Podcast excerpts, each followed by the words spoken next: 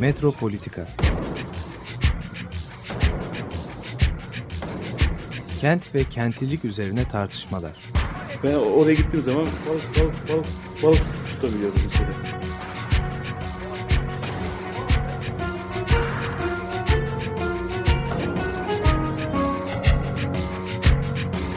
Hazırlayıp sunanlar Aysin Türkmen, Korhan Gümüş ve Murat Güvenç. Takusuyor ki. Kolay kolay boşaltamadı. Yani elektrikçiler terk etmedi Perşembe Pazarı merkezinde. Merhabalar değerli Açık Radyo dinleyicileri. Ben Korhan Gümüş. Bugün Metropolitika'yı Murat Güvenç'le birlikte yapıyoruz. Ee, Murat'la birlikte bugün işleyeceğimiz konu İstanbul'un aslında nüfus yapısının değişimi ve son olarak Cumhurbaşkanlığı İletişim Başkanlığı'nın e, bir şeyle e, tweet e, ile paylaşmış olduğu bir videodaki e, bilgiler üzerine başlayan tartışma. Aslında bir parça bu tartışmaya da değineceğiz. Bu gazetelere yansıdı bu tartışma. E, e, Fahrettin Altun, Cumhurbaşkanlığı İletişim Başkanlığı, e, kendisi bir 28 e, Temmuz'da bir video paylaşmıştı. Bu videoda e, İstanbul'da azınlıkların gayet mutlu bir şekilde yaşadıkları, refah içinde yaşadıkları, hiçbir sorunlarının olmadığını e, ve refah seviyelerinin çok iyi olduğunu falan söyledi. E, ve bu video aslında bir belgesel niteliğinde tabii bir takım görüşmelerle e, hazırlanmış bir videoydu. Buna bir takım itirazlar oldu. Yani bugünkü şeyleri, koşulları bakarak bunu söylemek mümkün değil.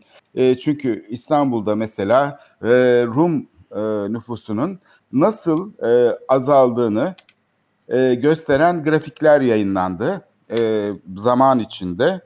İsterseniz buradan başlayalım. Murat, e, bu nüfus azalması dediğimiz şey yani İstanbul Rumlarının aslında adım adım yok oluşu. E, diğer topluluklarda da çok büyük azalmalar var. Yahudi topluluğunda da var. Ermeni topluluğunda da var. Fakat İstanbul Rum toplumunun 1923-2003 arasındaki nüfus azalmasını gösteren bir grafik yayınlandı. E, bu grafik tabi savaş öncesine gidersek, Birinci Dünya Savaşı öncesinde aslında bütün e, şeyde İstanbul'da bir nüfus artışı var. Sen bunu e, çok iyi anlatıyorsun. E, bayağı bir göçler de var. Yani nüfus 2-3 katına çıkıyor değil mi Murat? E, savaş evet, öncesi. Işte. Evet. Fakat yani. savaş sonrası azalmış olan gayet yarı yarıya neredeyse düşmüş olan nüfus içinde e, bayağı yoğun bir Rum nüfusu var. Yani nüf- Rumların bir bölümü İstanbul'da kalmış oluyor ve Lozan Anlaşması'yla eğitim hakları, e, dinsel e, pratikleri, sosyal yardımlaşma kurumları güvence altına alınmış oluyor. Yani bir bakıma Osmanlı dönemindeki statülerini koruyacakları bir düzen öngörülüyor 1924'te. Yani böyle bir düzenin içinde yaşayacakları varsayılıyor bu anlaşma e, koşullarına göre. Fakat bir 1932'de meslekler kanunu çıkıyor ve bazı meslekler yasaklanıyor. Mesela bu çok önemli bir şey. Meslek yasağı gelmesi. Ne bileyim garsonluk yapamıyorsun mesela. Diyelim ki işte şey yapamıyorsun, mimarlık yapamıyorsun, avukatlık yapamıyorsun falan. Böyle yasaklar geliyor. Bunlar çok tabii ayrımcı e, yasaklar. O tarihlerde buna benzer şeyler şüphesiz Avrupa'da yaşanıyor ama İstanbul'daki bu olayı hatırlamakta fayda var. Anadolu'da zaten azınlık fazla kalmamış durumda. Yani bir Hristiyan nüfustan söz edilemez. Anadolu ki Hristiyanlığın aslında e, doğduğu, büyüdüğü topraklar, yayıldığı topraklar. Yani bu açıdan da bakıldığında hani biz sadece İstanbul'u konuşacağız bugünkü programda büyük ihtimalle ama e, onu da hatırlamak lazım. Anadolu'da aslında hiç Hristiyan kalmamış durumda yani bu savaş sonrasında. Sonra işte bu nafiye askerleri geliyor. Varlık vergisi geliyor. O da büyük bir felaket. Sonra 1955 pogromu var. 6-7 Eylül saldırıları. Ee, ve işte 1964'te şey var. Zorunlu göç var. Ee, bu zorla gönderiliyorlar. Ee, önemli bir nüfus gitmek zorunda kalıyor İstanbul'dan. Ve İstanbul'daki 125 binlik Rum nüfusundan, savaş sonrası azalmış olan 125 binlik Rum nüfusundan geriye 1500 tane yaşlı insan kalıyor. e, ya da işte e, daha çoğu yaşlı olan diyelim çünkü öyle bir genelleme yapmak mümkün değil. Oysa ki modernleşme sürecinde e, patrikhaneye bağlı okullarda 300 bine yakın öğrenci var. Yani eğitim gören Rum öğrenci var. Aradaki farkı düşünürsek yani bütün Anadolu topraklarını kastediyorum tabii. O zaman sadece İstanbul'u değil. Ama 300 bin tane öğrencinin olduğu bir topluluktan söz ediyoruz. Şimdi 1500 kişi ya var ya yok. Ee, bu aslında bir yok oluş. Şimdi bu yok oluşun şeyi üzerine tabii refah içinde ve rahat yaşadıklarını söylemek insanların e, bir takım itirazlara neden oldu. Yani bu konuda e, bu Fahrettin Altun'un paylaştığı videoya itiraz edenlerin başında da işte İstanbul'u Rumlar e, geliyor. Onlar dediler ki yani biz pardon ama e, işimizi, gücümüzü, evimizi, barkımızı, her şeyimizi terk edip beş parasız gönderildik.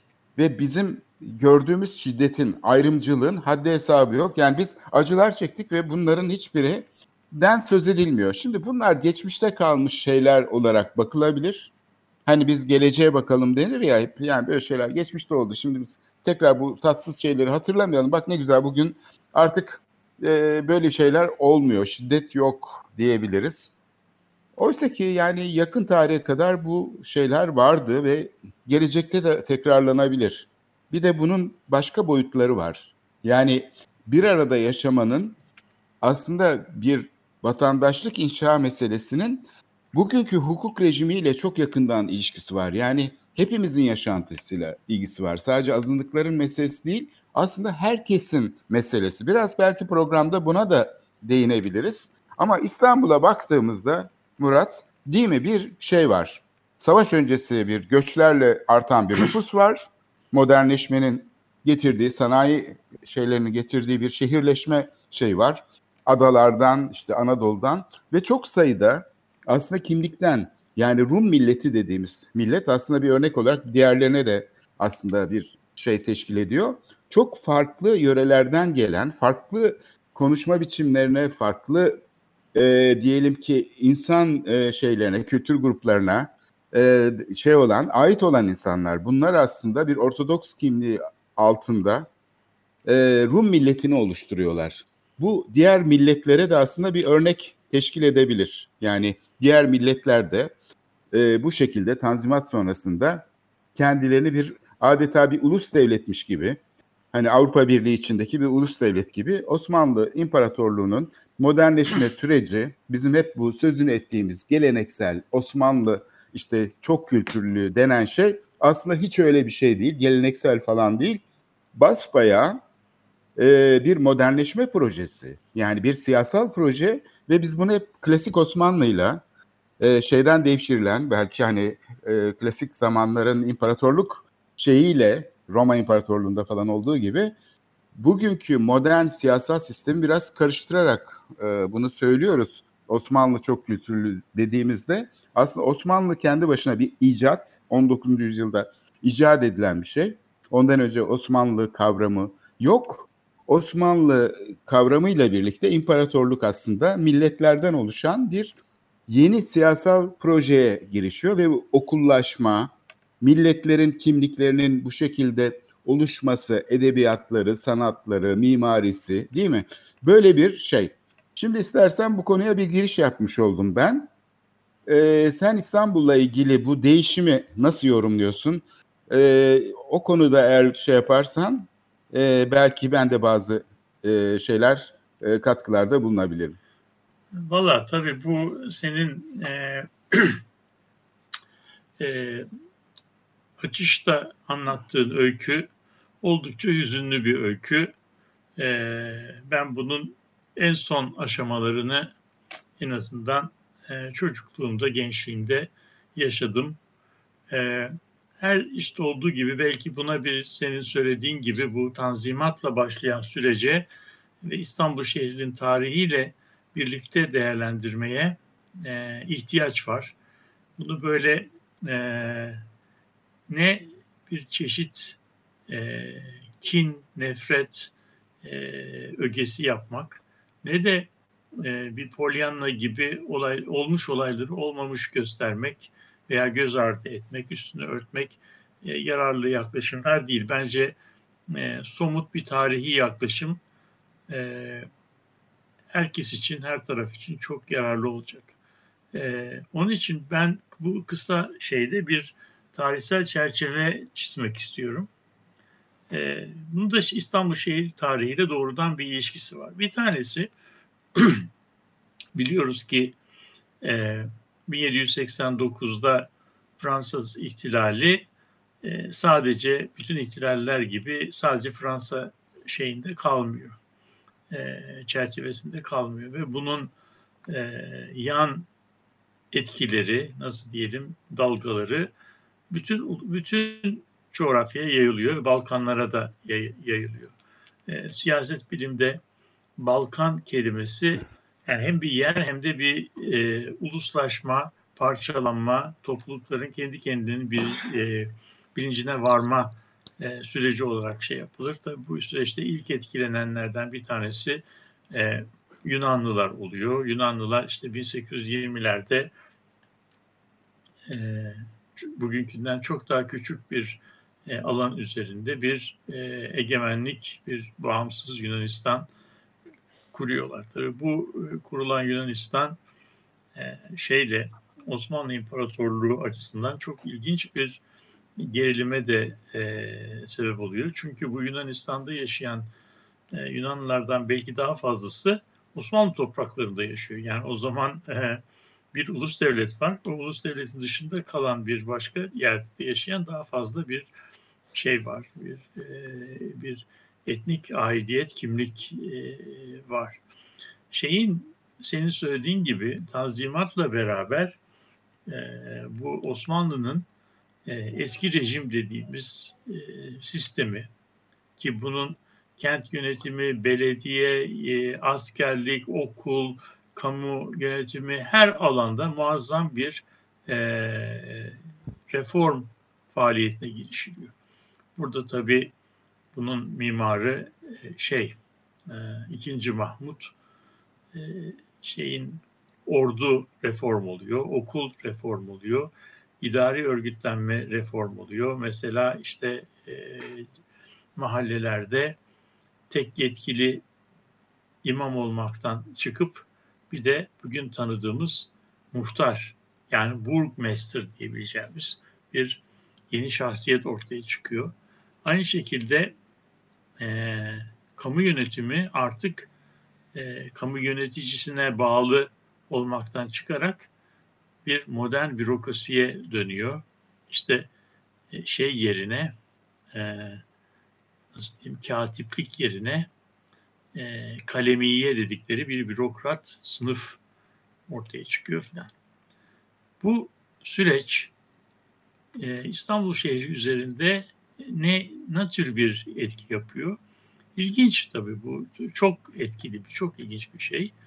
Ee, İstanbul şehrinin tarihini yazanlar fetihten sonra böyle muazzam bir e, başarılı bir dönem anlatırlar ama bu dönem e, e bu dönemi biraz daha eleştirel görde okuduğumuz zaman bu dönem aslında Batı'da Atlantik ekonomisi dediğimiz ekonominin kurulmasıyla ve Akdeniz dediğimiz e, havzanın giderek böyle gözden düşmesi biraz dura, duraksamasıyla ilgili bir, bir dönem ve bu dönemde ta 19. yüzyılın başına kadar İstanbul'un nüfusu zaman zaman artsa da hiçbir zaman böyle e, büyük bir şehir, milyonluk bir şehir olma e, boyutlarına e, şey yapmıyor, e, ulaşmıyor.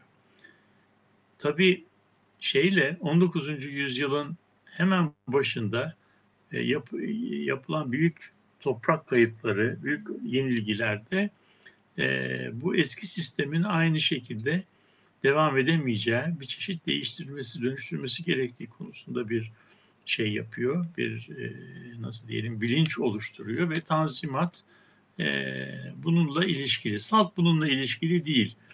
Çünkü biliyoruz ki 1838 yılı aslında Akdeniz'de buharlı gemi navigasyonunun başladığı tarih ve başlayan sanayi devriminde özellikle İngiltere ve Fransa e, şey gibi muazzam bir e, şeyle e, nasıl diyelim arzu ve hırs ile ürettikleri büyük sanayi ürünlerine e, pazar arıyorlar. Bu pazarlar olmadan e, kapitalist üretimin sürdürülebilmesi çok da e, uygun değil ve bu pazarlar e, ama pazarın olması sadece gidip malın satılmasını gerektirmiyor. Aynı zamanda bir hukuk sistemi, bir mahkeme sistemi, bir mali sistem, bir takım güvenceler gerektiriyor. İşte bu güvenceler de e, hemen tanzimat üzerinden sağlanmış oluyor. Yani 1838'de Akdeniz'de buharlı deniz navigasyonu, 1839'da tanzimat. Bunlar böyle tesadüfi olaylar değil, yan yana gelmiş olaylar değil. Bunlar birbiriyle ilişkili. Bunu hepimiz biliyoruz. Ondan sonra da e, şeyin e, Osmanlı toplumundaki şeyler e, yani bu gayrimüslim topluluklar ki bunların içerisinde işte Rumları, Ermenileri, Musevileri saymamız mümkün. Latinler de e, sayılabilir. Katolik Latinler, Levantenler bunların da kendilerine özgü şeyleri var ve bunlar sıra sırayla bir demin sen söyledin millet statüsü e, kazanıyorlar. Bu millet statüsü aslında bugünkü milletle tam karıştırılmaması gerekir. Bunlar e, yani komünote, community, topluluk anlamına geliyor.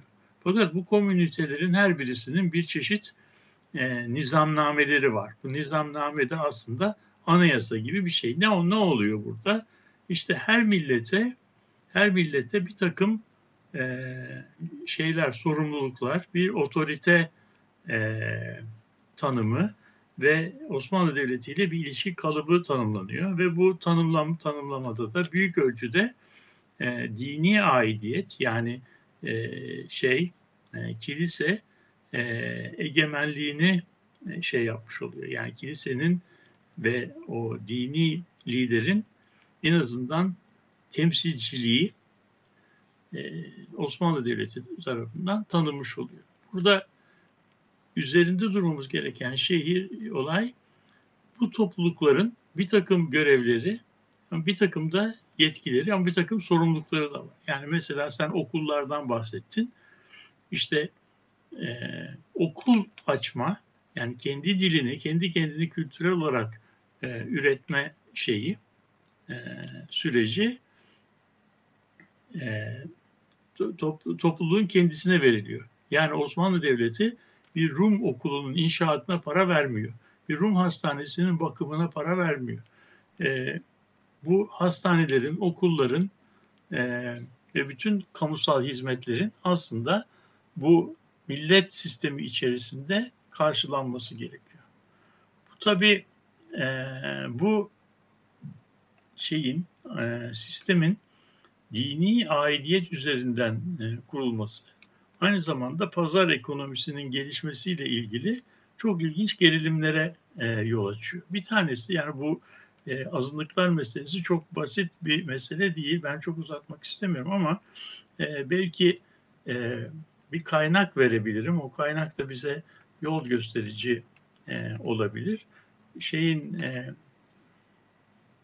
kitap yayınlarından çıkmış bir e, Biz İstanbullular Böyleyiz isimli bir anı kitabı var. Bu anı kitabı böyle e, 19. yüzyılda 1800 e, işte 90'larda e, filan doğmuş. 1905'lerde 7'lerde çocuk olan bir şeyin e, Rum gencin gözünden yazılmış olan bir bir kitap şahane bir e, kitap. Bu e, şeyin e, kendileri Fener'de oturuyorlar İstanbul'da ve bu gelişme sürecinin azınlıklar üzerinde nasıl e, tesir ettiğini, o toplulukta nasıl etkilediğini şahane bir dilde çocuk gözüyle anlatıyor. Burada mesela e, azınlıkların büyük bir kısmı, gayrimüslim toplulukların büyük bir kısmı eskiden e, tarihi yarımada içerisinde yaşarken bu süreç içerisinde bu e, topluluklarda e, işte okumuş, e, yükselmiş, e, yetkili görevler almış e, aileler, hane halkları giderek şeyi terk ederek e, işte e, tarihi yarımadayı e, terk ederek e, yolların birbirini dik kestiği yani Rumca'da buna Stavrodromo deniyor. Yani yolların birbirlerini istavroz gibi kestiği yer yani Beyoğlu'na taşınıyorlar. Ve o Beyoğlu'na taşınanlar da biraz böyle o e, tarihi yarımadada e, kalanlar tarafından züppe filan gibi gö- görünüyor. Ama bu bütün şeyleri, bütün gayrimüslim toplulukları etkiliyor. Aynı şekilde e, Museviler Beyoğlu'na e, taşınıyorlar ve kule dibinde yerleşiyorlar. E, Rum toplulukları da e, giderek e, şeyin e, bu bizim Grand Rue de Pera dediğimiz Cadde-i Kebir'in her iki yakasında Tarlabaşı tarafında ve de sıra serviler tarafında yerleşiyorlar. Eğer analiz edersen, bunlara bakarsan Tarlabaşı tarafında daha çok pötü burjuva, esnaf, zanaatkar takımı yerleşiyor. Ama şey sıra serviler tarafında biraz daha beyaz yakalı e, insanlar e, yerleşiyor. Taksim'den sonrasında da Ermeni topluluklarının yerleştiği Taksim, Pangaltı, Şişli'ye kadar giden bir, bir büyük bölge var. Bunun istisnası Harbiye'nin e, şey, denize bakan yamaçlarında daha önce kurulmuş olan bir teşvikiye semti var. Bu da tabii akaretlerle sarayın oraya taşınmasıyla kurulmuş olan bir şey var.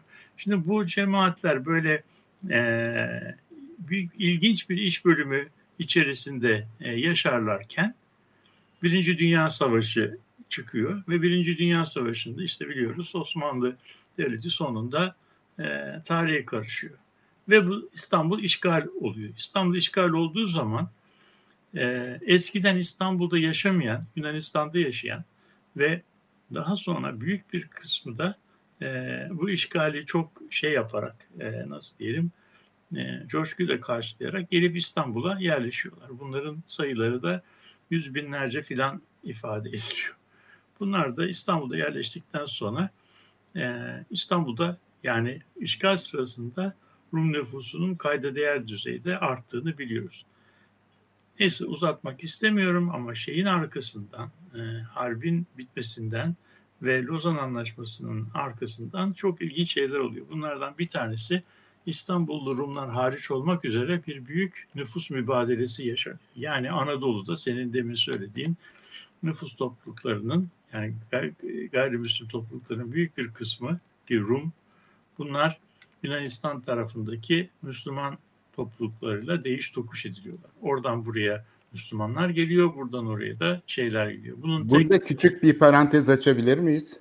Tabii tabii. Ee, şöyle bir şey de var. Ee, tabii göç eden e, yani karşılıklı olarak mübadeleye tabi olan nüfusa baktığımız zaman e, burada bir orantısızlık var. Yani Tabii buradan daha fazla Anadolu'dan gidiyor. giden sonuçta bir buçuk milyon falan hani böyle milyonla ifade edilen bir şey var. Gelen ise hani e, yüz, binlerle yüz bin. ha, evet. şeyle ifade edilen bir rakam. Şimdi yüz binlerle. Şey, evet yüz binlerle ifade ediliyor. Yani şimdi e, bu e, mübadeleye bağlanıyor. Yani aslında Anadolu'daki e, Rum nüfusunun e, yok olması mübadele üzerine e, kurgulanıyor. Evveliyatı Halbuki, da var bu, tabii. Bu, onun evveliyatı var. Bu doğru bir şey değil. Doğru bir tespit değil. Yani değil, mübadele tabii. sonucu gitmedi Rumlar. Tabii hepsi. Bunun tabii örneği İzmir mesela. İzmir hani mübadelede kaybetmedi Rum nüfusunu. Çünkü çok büyük bir çoğunluğun yaşadığı bir e, yer. Yani Hristiyan nüfusun yaşadığı bir yer İzmir. Ve İzmir aslında mübadeleyle nüfusunu kaybetmedi. Ayvalık mübadeleyle kaybetmedi. Foça mübadeleyle kaybetmedi. Yani bütün Ege şehirleri nüfuslarını mübadeleyle kaybetmedi ya da Karadeniz şehirleri. Doğru, doğru. Bu, bu doğru. Ama mübadele yani... ancak Karaman'da kalan e, ve daha hani Türkçe konuşan ve şey olan daha yerleşik şeye göre daha toplulukla hani daha yakın bağlar e, olabilecek belki hani babam mesela onların e, şey olduğunu söylerdi. Yani Ortodoks ama Türk olduklarını falan da söylerdi mesela bir kısmının. Türkçe yani konuşanlar da. Türkçe. Evet. Yani o mübadeleye tabi olan nüfus aslında e, şey. Bunun dışında İstanbul'da... Ama işte İstanbul, söylemek istediğim İstanbul Hı. nüfusu bu müdahale, mübadele kapsamı dışında bu evet. Oluyor. Etabliye Burada- ismi veriliyor. Yani Evet, yerleşik evet. e, nüfus. Evet. Evet. Ama bu iki tane statü var. Yani burada iki tane statü var. Bir tanesi harp içinde gelip yerleşenler. Yani bir tane de e, bir tane de bu e, İstanbul'un yerleşik nüfusu. Yani yerleşenler bir de İstanbul'daki yerleşikler. 1934 yılında bir 30 yıllık bir vize anlaşması yapılıyor. Bu anlaşmaya göre de bu her iki durumdan da İstanbul'da kalanların İstanbul'da ikametlerine 30 yıl süreyle izin veriliyor. Bu işte 64'te senin anlattığın olay e, bu Kıbrıs hadiseleri olduğu zaman da e, Türkiye Cumhuriyeti bu 34'te yapılan vize anlaşmasının bu koşulunu e, tanımıyor. Ve artık bu sona ermiştir diyor. Bu sona ermiştir denildiği zaman e, bu şey olanlar e, işte Yunanistan'dan gelip İstanbul'a yerleşik olanlar ile e, onların geri dönmesi isteniyor. Bu tabii çok e, E, ama e, ilginç tasarlanmış şurada bir bir şey. düzeltme de yapalım. E, Yunan e, şeyi alan bunlar e, Yu- Yunanistan'dan gelmiş değiller. Yani İstanbul'da yaşayıp İstanbul'da doğmuş, ikamet eden ancak köken itibariyle adalarda olabilir, şeylerde olabilir. Hayır başka E, yerlerde. Yani Ha, işte Yunan İstanbul yani. pasaportu almış da olabilirler. Yani bunların Tabii yani hepsi Yunanistan'dan gelmiş de Gelme olmayabilir. değil. Evet. evet Değil. Ama yani sonuçta sonuçta buradaki sıkıntı şu.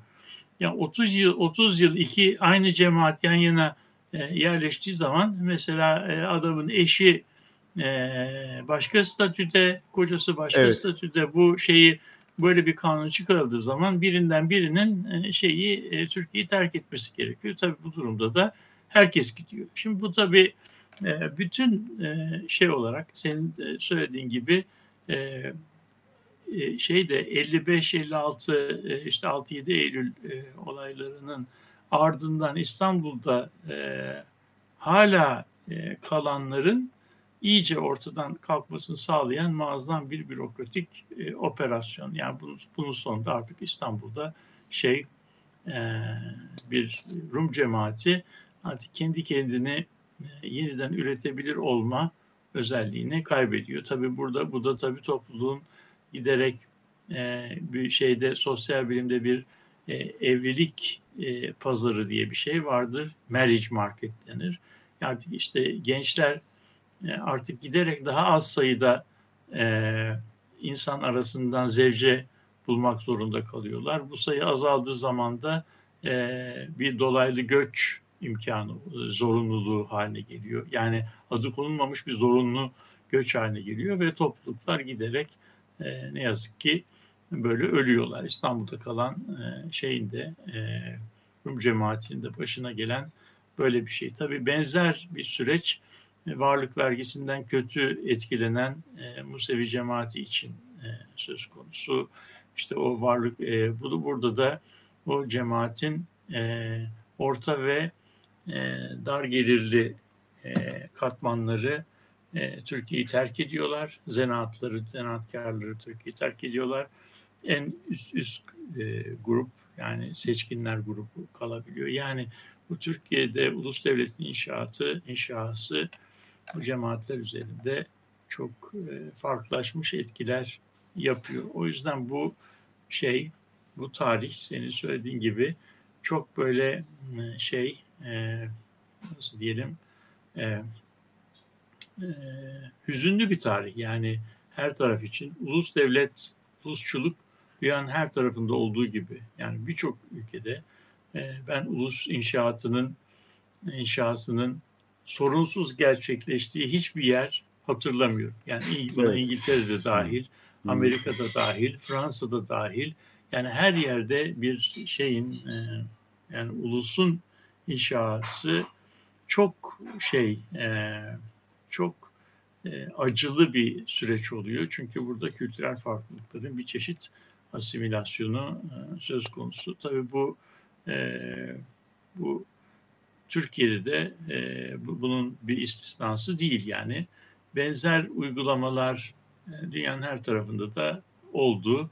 E, bizimkisi İstanbul açısından bakıldığı zaman tabii İstanbul şehri bu göçler sonunda muazzam bir kültürel birikimini yitirmiş oldu. Çünkü senin söylediğin gibi İstanbul e, 1900 50 sayımında görüyoruz. Nüfusun aşağı yukarı %14'ünün Rum olduğu bir şehir yani bu az bir 1 milyon şeylik bir nüfusun bütün bu şeylere varlık vergisine, savaşın zorluklarına bilmemesine rağmen yine yüzde 13-14'lük bir önemli bir şey var. Bir e, bir bir e, Rum e, cemaati var.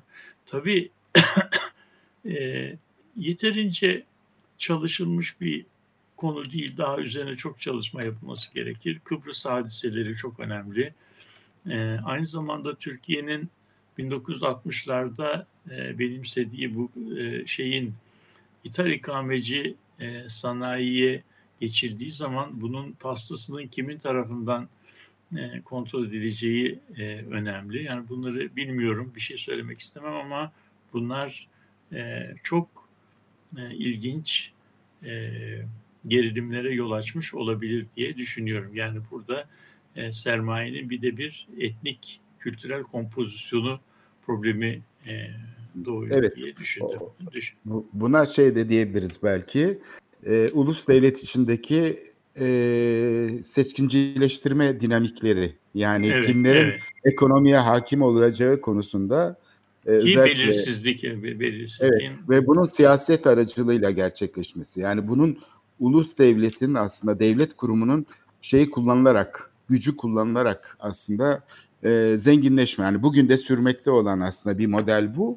E, şunu söyleyebiliriz zannedersem yani e, bu hani bir nüfusun yok oluşunun ya da e, zayıflamasının nasıl kültürel yeniden üretimde bir problem taşıdığını aslında İstanbullu Rumların Evrensel Federasyonu Başkanı Profesör Niko Uzunoğlu e, şeydeki e, gazetedeki röportajında anlatmış Yeni Yaşam'da 2 Ağustos'ta çıkan röportajında sahiden senin sözünü ettiğin gibi bu kurumlar kendilerini yeniden üretemez hale geliyorlar. Yani okulların öğrencisi kalmıyor, hocaları kalmıyor, kiliselerin şeyleri kalmıyor, bakacak insan Cemaati kalmıyor. kalmıyor. Yani, cemaat kalmıyor. Cemaat kendisini yeniden üretemez hale geliyor. Yani bu önemli bir e, şey. Yani büzülüyor. Cemaat iyice küçüle küçüle bütün fiziksel olarak da küçülüyor e, siyasal olarak da küçülüyor. Yani gidip de mesela Atina'daki e, toplulukla aslında özdeşleşemiyor.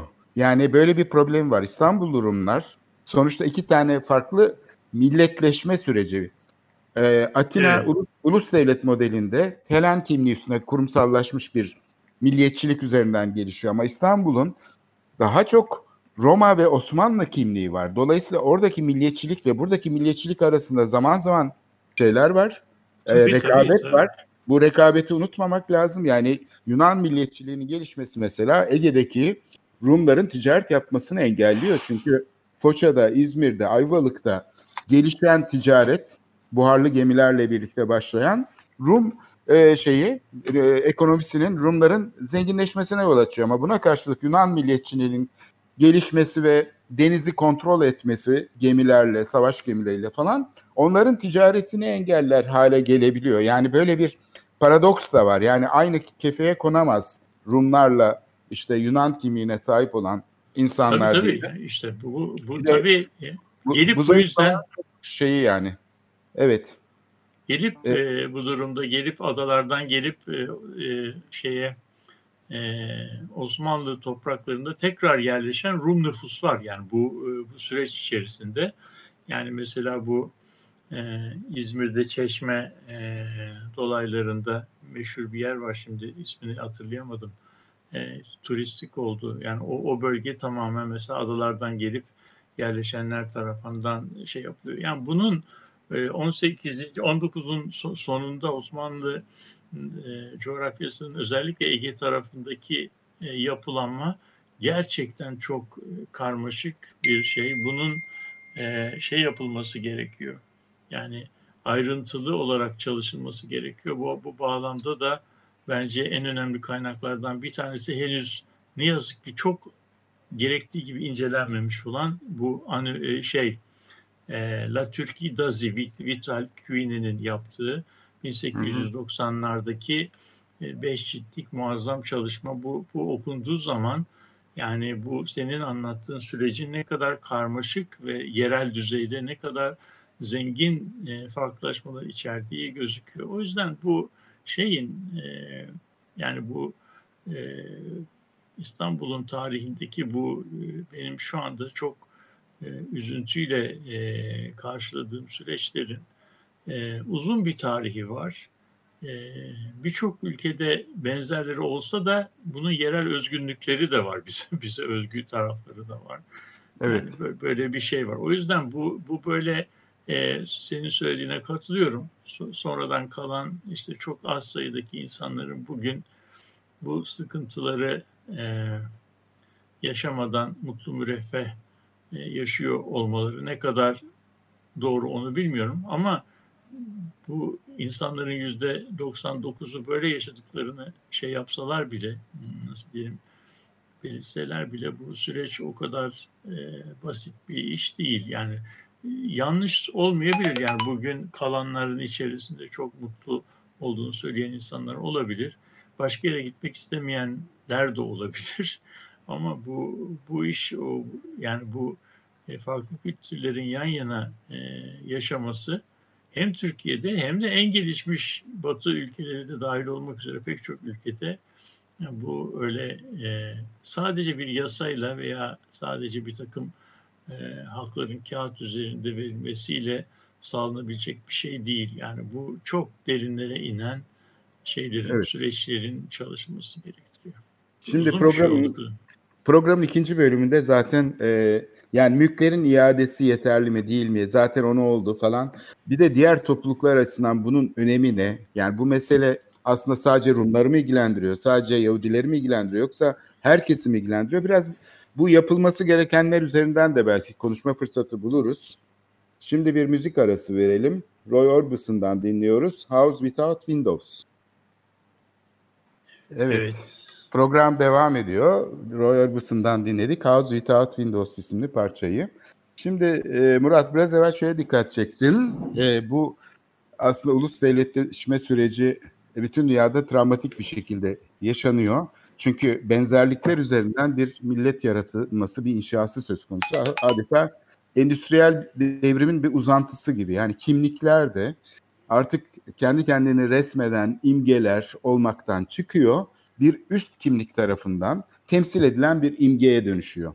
Bu imge de devlet tarafından, kurumları tarafından yeniden üretiliyor. Şimdi bu üst e, imgenin diyelim, bu kimliğin aslında kapsayıcı veya dışlayıcı olması söz konusu. Şimdi normalleşen bir ulus devlette bu kapsayıcı oluyor. Yani diğer kimlikleri de eşit vatandaş olarak kendi içine alıyor. Ama eğer kapsayıcı değil, dışlayıcı bir kimlikse o üst kimlik e, içine almıyor ve onu ötekileştiriyor.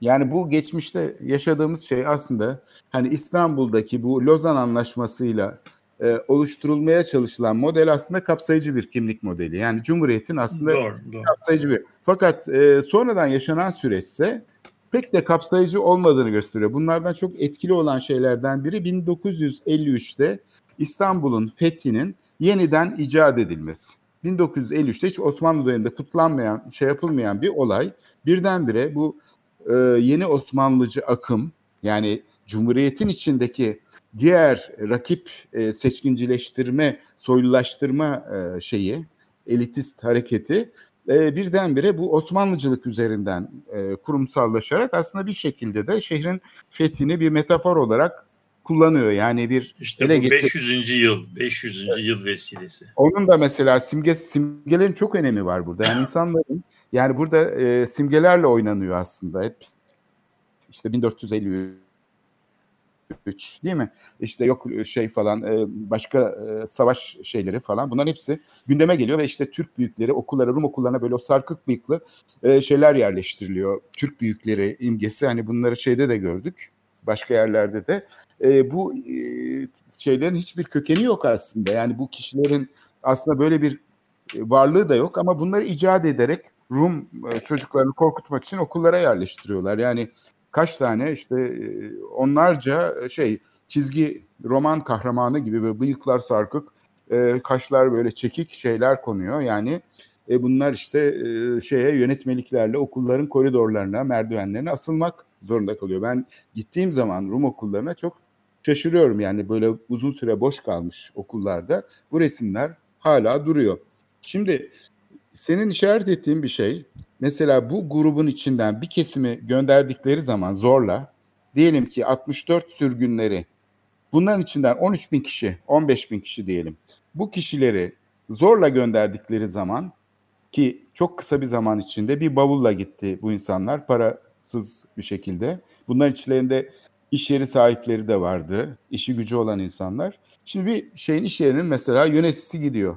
Bir şeyin e, eşi gidiyor falan. Toplam 60 bin kişiye varıyor gönderilen insan sayısı. Yani 13 bin, 14 bin diye söylenirken bir bakıyorsun e, 60 bin kişi bir anda deport edilmiş. Yani zorla tehcir edilmiş oluyor.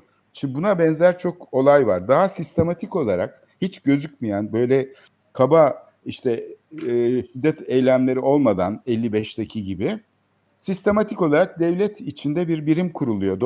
Bu 62 yılında kurulan birim Rumların mallarıyla, mülkleriyle, işleriyle, sosyal şeyleriyle, kurumlarıyla uğraşmaya başlıyor.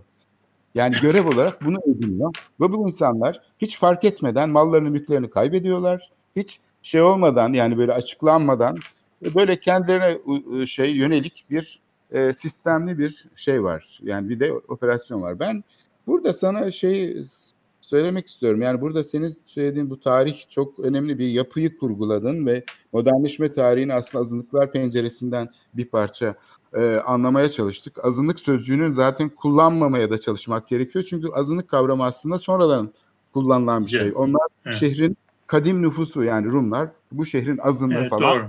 Bu şehrin kadim nüfusu aynı diğerleri gibi e, Müslümanlar gibi. Dolayısıyla burada vatandaşlarının bir bölümünü kaybetmesi bir şehrin neye mal oluyor? Ben aslında buna biraz e, dokunalım diyorum. Yani vatandaşların bir bölümü kaybedince mesela Rumları kaybetti bu şehir. Bu acaba Rumların bir sorunu mudur? Yahudilerini kaybetti bu şehir. Acaba bu Yahudilerin bir sorunu mudur? Yalnızca yoksa kalanların da bir sorunu mudur? Yani biz hep var olan vatandaşların insan haklarını gözetiyoruz. Yok olan vatandaşlarının şehrin insan haklarını gözetmiyoruz ya da unutuyoruz. Çünkü onlar zaten yoklar, temsil dışında kalıyorlar. Temsil edemedikleri için kendilerini. Oysa ki onlar hala şehirle bağlarını koruyorlar, hafızalarını koruyorlar ve bununla yatıp kalkıyorlar. Bütün hayatları bununla geçiyor. Dünyanın her tarafına dağılmış olan insanlar değil mi? Amerika'dan bile İstanbul Rumlardan neler geliyor, ne mesajlar işte şehirle ilgili bütün hafızalarını, şeylerini kuruyor, koruyorlar. Çünkü burada eğitim görmüşler, burada yetişmişler, e, İstanbul şeyiyle yaşıyorlar hala da. Şimdi böyle bir durumda bir tür post memory adı verilen yani aktarılan bir hafıza da var. Daha sonraki kuşaklara falan. E, olmadığı takdirde zaten kendilerini iyice travmatik bir halde hissediyorlar. Yani kökensiz biz nereden geldik, nasıl olduk? Hani birçok insanın bu göçler sonunda düştüğü durum gibi bir durum. Şimdi bu kaybın e, ben biraz e, diğer insanları yani kalanları ilgilendirdiği için kalanların temsilinin yetmediğini düşünüyorum. Çünkü eğer sadece kalanları ilgilendiriyorsa o zaman bizim varlığımız tam da e, kamu sistemin içinde e, normalleşmemiş bir ulus devlet modeline dönüşüyor. Yani gene o şey devam ediyor. Kendisini yeniden üretiyor. Dışlayıcılık. Çünkü evet. kültürel politik alan e, iktidara bağımlı hale geliyor. İster sol olsun ister sağ olsun hiç fark etmez. Yani herhangi bir ideoloji söz konusu olmasın. Sadece ulus devletin siyaseti, üretme biçiminde kültürel, politik alanın iktidar merkezli olmasına yol açıyor. Yani sekülerleşme problemi yaşıyor. Yani böylece katılımcı bir yönetim fikrinden biz uzaklaşıyoruz. Katılımcı bir yerellikten, şehir yönetimi fikrinden uzaklaşıyoruz. Herkes her şey merkezi ideoloji tarafından ve merkezi şeylerle e, yönetiliyor. Patronaj altına girmiş oluyor. Yani bunun maliyeti sadece hani Rumlara kesilen bir fatura değil. Bu acıyı sadece Rumlar çekmiyor aslında. Kalanlar da çekiyor. Yani onların da tabii yani mala mülke el koyan, bilmem ne yapan, zenginleşen insanlar bir tarafa ama bu soylulaştırıcı süreç herkesi mutlu etmiyor. Herkes aynı şekilde ay şimdi mallara mülklere koyuldu. Bu kadar geniş bir alanı şey yaptı. Ee, bütün Anadolu'nun işte şeyi böyle tarihi. Ama kalanların da bu bedeli ödediğini ben bir parça düşünüyorum.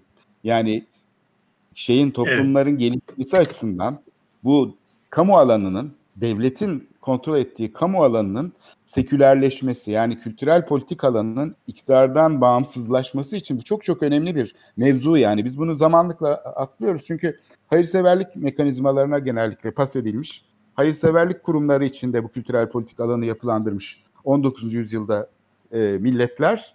Dolayısıyla onun devamı gibi görüyoruz. Yani devlet e, katı ve bürokratik bir şekil kazanıyor. Onun dışında da işte hayırseverlik, özel şeyler, vakıflar vesaire. Öyle değil. Kamu sistemini gözden geçirmek için, iyileştirmek için bu gözden geçirme işlemi o kadar önemli ki. Yani bunu yapabilmek şu anki yaşantımızı çok yakından ilgilendiriyor. Sadece geçmişte olmuş bir olayı değil. Onun için Fahrettin Altun'un hani söylediği bugün refah içinde, mutluluk içinde yaşıyorlar demesi ya da o paylaştığı videoda bunun yer alması bu açıdan da hiç doğru değil. Buna da itiraz etmemiz lazım. Çünkü o kurumsal yapı kendisini yeniden üretiyor yani bunu tekrarlıyor. Başka formlar altında da tekrarlıyor. Yani e, değil mi? Yani evet, son Şimdi burada evet. Şimdi burada söylediğin şeyin içerisindeki sıkıntı şuradan kaynaklanıyor. Ee, şimdi aynı olaya başka farklı pencerelerden bakıldığı zaman farklı farklı gözüküyor. Bir tanesi yani biz bir şehri yapan insanları sadece e, etnik aidiyetleri üzerinden e, değerlendirirsek o zaman çok sık da yapıldığı gibi biz de başladık. İşte şehrin içerisinde yüzde 13 Rum vardı, yüzde 7 Musevi vardı, yüzde 8,5 Ermeni vardı gibi böyle şeylere indirgeniyor. Böyle nasıl diyelim istatistiklere ilgileniyor. Halbuki bu aynı olaya bu sefer şey üzerinden baksak e, aynı olaya ilişkiler üzerinden baksak o zaman senin e, şeyin senin e, işaret ettiğin konu hemen ortaya çıkar. Bir tanesi bir şehirde şu kadar insan, e, Musevi şu kadar insan, Rum şu kadar insan, Müslüman dediğimiz zaman e, biz aslında o şehri çok zayıf, çok böyle sığ bir şekilde temsil etmiş oluyoruz. Bir kere bu insanların şey hayatlarında, iktisat iktisat hayatında e, uzmanlaştıkları alanlar var ki buna artık yeni kent tarihçiliğinde etnik division of labor deniyor. Yani etnik e, insanlar, topluluklar bazı işleri diğerlerinden daha fazla kontrol ediyorlar. Bu böyle e, bir kas sistemi olmasa bile zaman içerisinde bazı meslekler, bazı topluluklarla şey oluyor. E, birleşi, birleşiyor, e, yan yana geliyor, onların evet. e, şeyine giriyor. Şimdi buradaki bir topluluğu e, sadece işte senin vizenin sona geldi, hadi bakalım e, seni artık burada istemiyoruz anlamına e, gelecek bir e, şey pratiğe geçtiğimiz zaman ne oluyor? O zaman belli alanlardaki yetişmiş e, gücü, birikimi ki bu birikimin içerisinde yerel bilgi birikimi de var. Buna tasit e, knowledge deniyor. Yani kodlanmış bilgi yerine bir takım beceriler, iş yapma biçimleri, ondan sonra teknolojiler ve bunlardan daha da önemlisi iş bağlantılarını yani o ticaret alanında, o sanayi alanında, o akademik alanda o insanın, o topluluğun kurmuş olduğu ağları, ilişki ağlarını da o insanlarla beraber göndermiş oluyorsun. Geriye ne kalıyor? Geriye bir takım bir boşluk kalıyor ve o boşluk bu ağların, bu yerel bilginin yokluğunda kolay kolay doldurulabilecek bir bo- bo- boşluk değil. Yani işte e, bir e, şeyi en basit söyleyeyim. Ben mesela e, çocukluğumda Kalamış'ta Todori diye bir restoran vardı. Benim yaştakiler bilirler. Annemle babamla oraya giderdik, yemek yerdik. E, bu insanlar e, bu Türkiye'den ayrıldıktan sonra ben o kalitede bir yemeği bir daha hiçbir yerde yiyemedim. Yani o fiyata üstelik. Ha, Değil yani, mi? Yani, yani fiyatı fiyatı da yani çok pahalı ha, e, şeyler bir, bir, değil. Bir halk lokantası gibi bir şeydi ama oranın yani oradaki o kaybolan e, restoranın şeyi e, kaybolan restoranın kaybıyla beraber bir, bir kültürel e, birikim kayboluyor. Bunu e, ticaret alanında küçük sanatlar alanında, zanaatlar alanında, meslekler alanında şey yapabilirsin. Yani o yüzden senin söylediğin bu şey, bu deportasyon politikası evet bir nüfus değişimi yaratıyor ama kalan boşluğun e, o, o boşluk, kültürel boşluk bir biçimde zaman içinde dolduruluyor. Biliyorsunuz, biliyor bir tane kanun var doğa boşluğu sevmez diye oraları dolduruyorsun. Ama o doldurduğun zaman aynı şeyi yerine koymuş olmuyorsun. İkincisi de e, orada yaptığımız bu kültürel e, şey temizlik, kültürel boşluk e, kun zaman içinde nerelere gideceğini, nasıl evrileceğini de bilmiyoruz. Yani biz aynı zamanda geçmişi silerken hem de gelecek üzerinden de geleceği de ipotek altına almış oluyoruz. Ve bu da tabii dünyanın her yerinde, sadece Türkiye'de değil, Lübnan'da da, Amerika Birleşik Devletleri'nde de, Fransa'da da böyle muazzam şeylere, travmalara, kültürel travmalara yol açıyor. Yani Fransa'da da biliyorsun malum bir Cezayir'le ilişkili bir Pied Noir problemi var. İşte yani dünyanın her ülkesinde e, buna benzer problemler var. E, ve bu bu senin söylediğin gibi e, gidenlerin sorunu olduğu kadar karan, kalanların da muazzam bir kültürel ekonomik kayıplarına yol açıyor. Yani o toplum bu e, olay sonunda e, bayağı fakirleşmiş oluyor yani. Evet, şimdi programın tabii sonuna geldik. E, bu programda aslında e, Fahrettin Altun'un Cumhurbaşkanlığı İletişim Başkanlığı'nın yaptığı, paylaşmış olduğu video üzerine bu tartışma yaşandı. E, bu tabii ki e, birçok boyutu olan bir konu. Mesela malların, mülklerin iadesi konusu kendi başına e, belki çok uzun süre tartışılması gereken bir şey ama bu, bu programdan çıkan sonuç yani 2011'de mesela vakıflar yasasında gerçekleştirilen değişiklikle işte 1400 başvurudan 100 tane mülk iade edildi. Bunlar daha çok kamu mülkü diyebileceğimiz şeylerdi. Yani kişisel mülkler burada hiç söz konusu olmadı ki asıl çok büyük bir bölümü de kişisel mülkler konusu. Ama bunları konuşmak yerine biz çok genel bir yaklaşımla şunu söyleyebiliriz. Bu mesele sadece mülklerin iadesiyle çözülebilecek bir konu değil. Senin de söylemiş olduğun gibi, işaret etmiş olduğun gibi sosyal boyutları olan, şehirle ilgili çok karmaşık ilişkiler içeren bir konu. Yani bu yüzden kamu şeyinde tıpkı diğer planlama konularında vesaire olduğu gibi bu karmaşık meseleyi çözebilecek ve e, içinde e, sivil toplum şeyini içeren yani bağımsız e, şeylerin, araştırmacıların sürekli çalıştığı bir kurumsal yapıya ihtiyaç var. Bu sorunu yani bu yaşanan travmaları aslında bir şekilde hafifletmek için. Yani tedavi etmek, iyileştirmek mümkün değil. Bütün şeylerin, ülkelerin e, şeyinde, geçmişlerinde buna benzer şeyler var işaret etmiş olduğun gibi.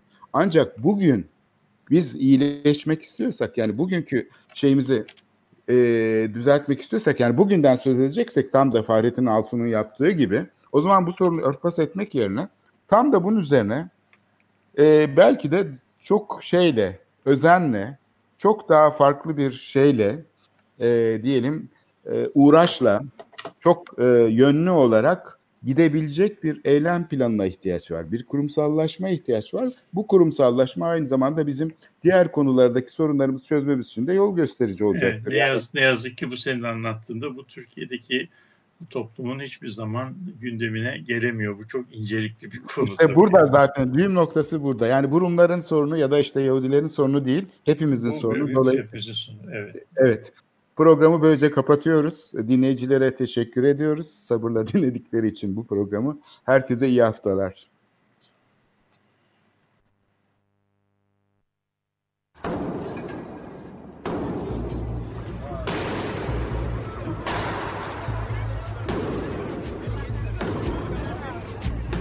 Metropolitika Kent ve kentlilik üzerine tartışmalar. Ben oraya gittiğim zaman balık balık balık balık tutabiliyordum mesela.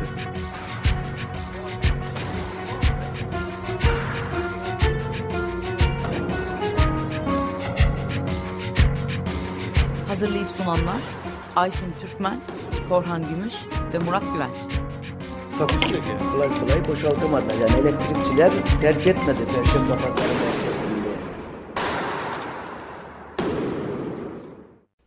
Açık Radyo program destekçisi olun Bir veya daha fazla programa destek olmak için 212 alan koduyla 343 41 41.